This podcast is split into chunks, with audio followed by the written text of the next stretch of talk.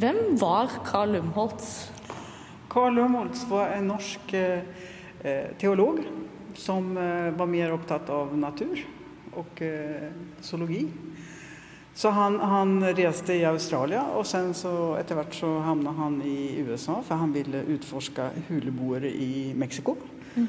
Och eh, det är från det materialet där, han var från 1890 till, till eh, 1910, så gjorde han alltså tillsammans fem, sex expeditioner mm. i Mexiko. Till att börja med så hade han väldigt mycket folk med sig på de här expeditionerna men efterhvert så, så kvittade han sig med dem för det blev för dyrt helt enkelt. Och sen så fann han ut att det var lättare för honom att kommunicera med folk om man kom alene. Ja. Så då hade han i stort sett bara en guide med sig och en tolk. Ja. Hur fick han eh, finansierat dessa expeditionerna? Han, eh, när han kom till USA så, så höll han väldigt mycket föredrag och han var ett socialt geni. Så han, han lyckades övertala folk om att, att eh, dere må stötta mina projekt. Så, så, han, fick då, han samlade in genstander för American Museum Natural History och det är därför de har cirka två tredjedelar av det bildmaterial som finns, mm. medan vi har en tredjedel. Eh, och sen så, så, var det American Geographical Society mm. i New York som stöttade. Och sen så var det alltså Carnegie och Willard och flera andra sådana här stora, väldigt rika personer. Fick han stöd i Norge? Eh, inte till de här eh, expeditionerna i, i USA eller i Nordamerika. Men senare när han skulle... Han vill, hans stora dröm var ju att göra en expedition i Nya Guinea. Och då fick han stöd av norska staten. Och andra, flera stora institutioner i Europa. Men så långt kom han aldrig. För, han, för första världskrig stoppade honom så han, han var bara på Borneo. På bildet är han väldigt pent klädd. Han har ju lommetørkle i lomma. Så han må ha varit lite förfänglig.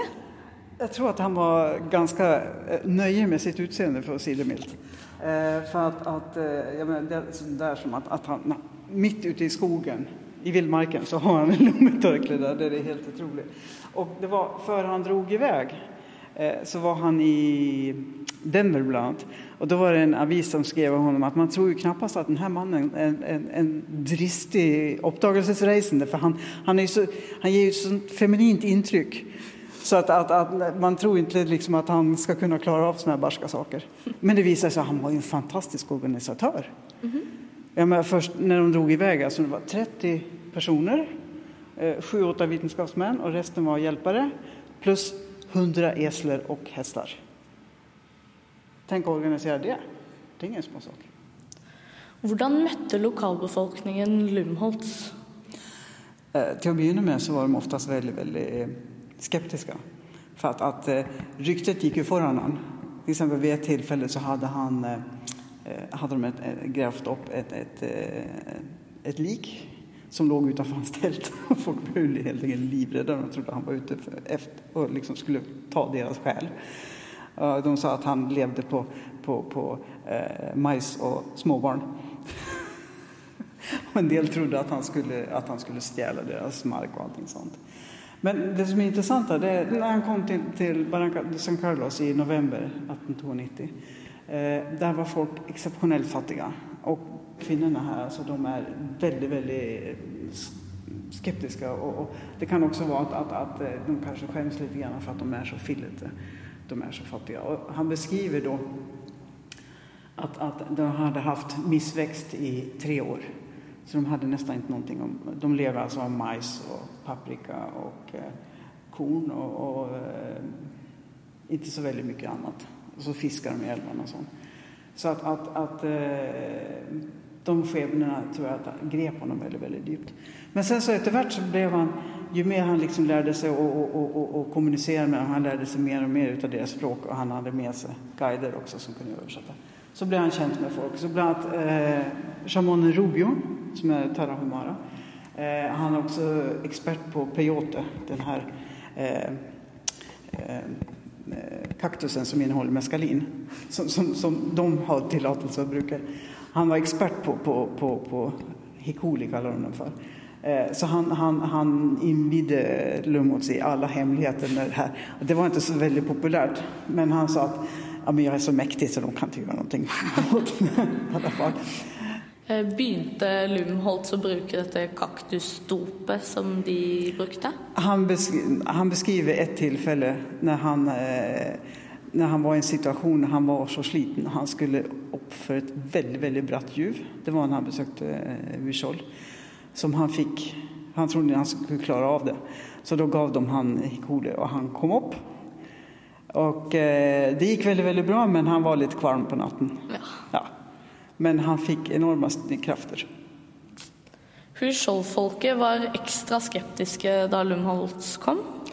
Ja, de var väldigt vanskliga att komma in på, in på överhuvudtaget. Och, och, eh, när han kom dit, han kom dit i regnperioden och det var väldigt vått och trist och illa och eh, ingen ville kon ha kontakt med honom så han satt, han satt mer eller mindre rätt upp och ner och undrade på vad sjutton gör jag här alltså.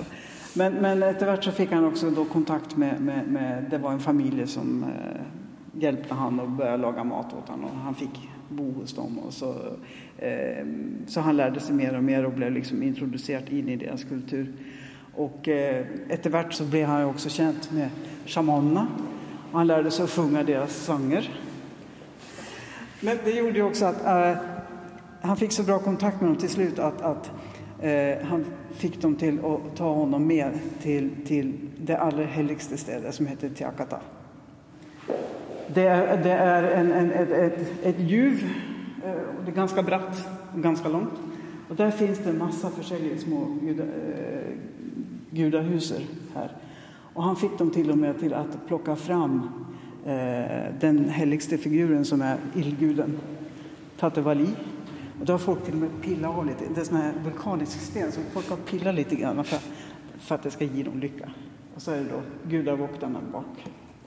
Det er jo ganske flott at de lot han komme så tett på det viktigste i deres liv, Yes. det åndelige. Ja, ja. Eh, Det tror jag också har att göra med att han, eh, jag tror han var väldigt, väldigt flink till att, att, att få folks förtroende. Så att de, att de faktiskt kunde stole på honom.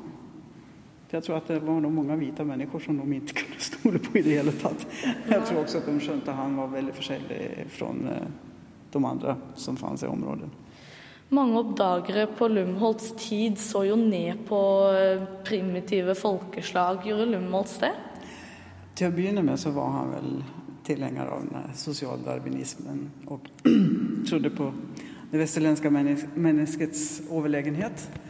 Eh, och eh, till att börja med i, eh, under de här expeditionerna så, så, så fick han också besked om att han skulle göra såna här antropometriska målningar. Som, och han tog ganska många bilder där han ställde upp folk med en målestock och tog bilder förfra, bakfra och det ena med det tredje. Men, men det var en, en väldigt unöjaktig metod så att de gick bort ifrån den. Eh, och så. Och, eh, vad som skedde med Lumos var att, att ju mer känd han blev med de här människorna desto större respekt fick han för dem. Eh, han, eh, så han, han fick väldigt, väldigt stor aktning för dem efterhvert. Och ja, som han säger någonstans att även om de är klädda i filler så är de gentlemän. Och eh, jag tror han hade det väldigt gott samman med dem. Man får en födelse av att eh, till att börja med så är de skeptiska mot honom när han kommer och vill inte släppa han in på sig. Men så, som, som jag sa, liksom, han, han lärde sig att synga deras sånger och han lärde sig eh, inte att snacka språket ordentligt men, men han lärde sig i alla fall så pass mycket så han kunde kommunicera en del med folk och fortälla vad han ville och sånt. Och de tödde ju upp mer och mer. Lumholt samlet jo også inn veldig mange gjenstander. Har dere noe av det på museet? Vi, vi har ett fåtal som vi har fått byta med, med museet i New York. Eh, dels är det sådana här eh, ceremoniella pilar som, som de brukade då när de tillbad eh, ildguden. Sen så finns det sådana här eh, bälter med försälje och bond och, och också där nere så finns det en, en väska med, med symbolik. Som all, all, alla de här olika formerna och mönstren, det kommer ut av djur, det kommer ut av plantor och allting är en, en till, eh, tillbedelse av gudarna. Hela deras framträdande är en sorts bön också till gudarna om försäljliga ting. Så de, de, de var väldigt, väldigt kreativa och ryckte hela tiden de här eh, olika symbolerna i, i, i alla bilder de gjorde. Eh, Carl Lumholtz tok jo veldig veldig mange flotte, fine bilder. Var det vanlig for oppdagelsesreisende å ta så mange bilder som han gjorde? Nej, det tror jag inte det var i det hela tatt. Men jag tror, dels så tror jag att han syns det var morsamt att hålla på med kameror. Och sen kan det vara, för det vet jag sker ibland när du hamnar i en situation att du inte riktigt vet vad du gör. Så kan du ta fram din kamera så har du någonting att pyssla med medan du tänker på, på, på vad ska jag göra. Vi, vi har ställt ut några eh, av kamerorna här. Eh, till att börja med så tog jag bilder med en, sån, eh, en av de tidigaste Kodak-kamerorna med runda bilder. Och det kan ha varit en sån där, den är från 1889 den här kameran, Kodak nummer två. Eh, och sen så hade han en annan typ av kamera ja. med väldigt, väldigt stora negativ som var alltså mm -hmm. 16 gånger 21 centimeter. Mm -hmm. så du får en fantastisk upplösning ja, på dem. Väldigt.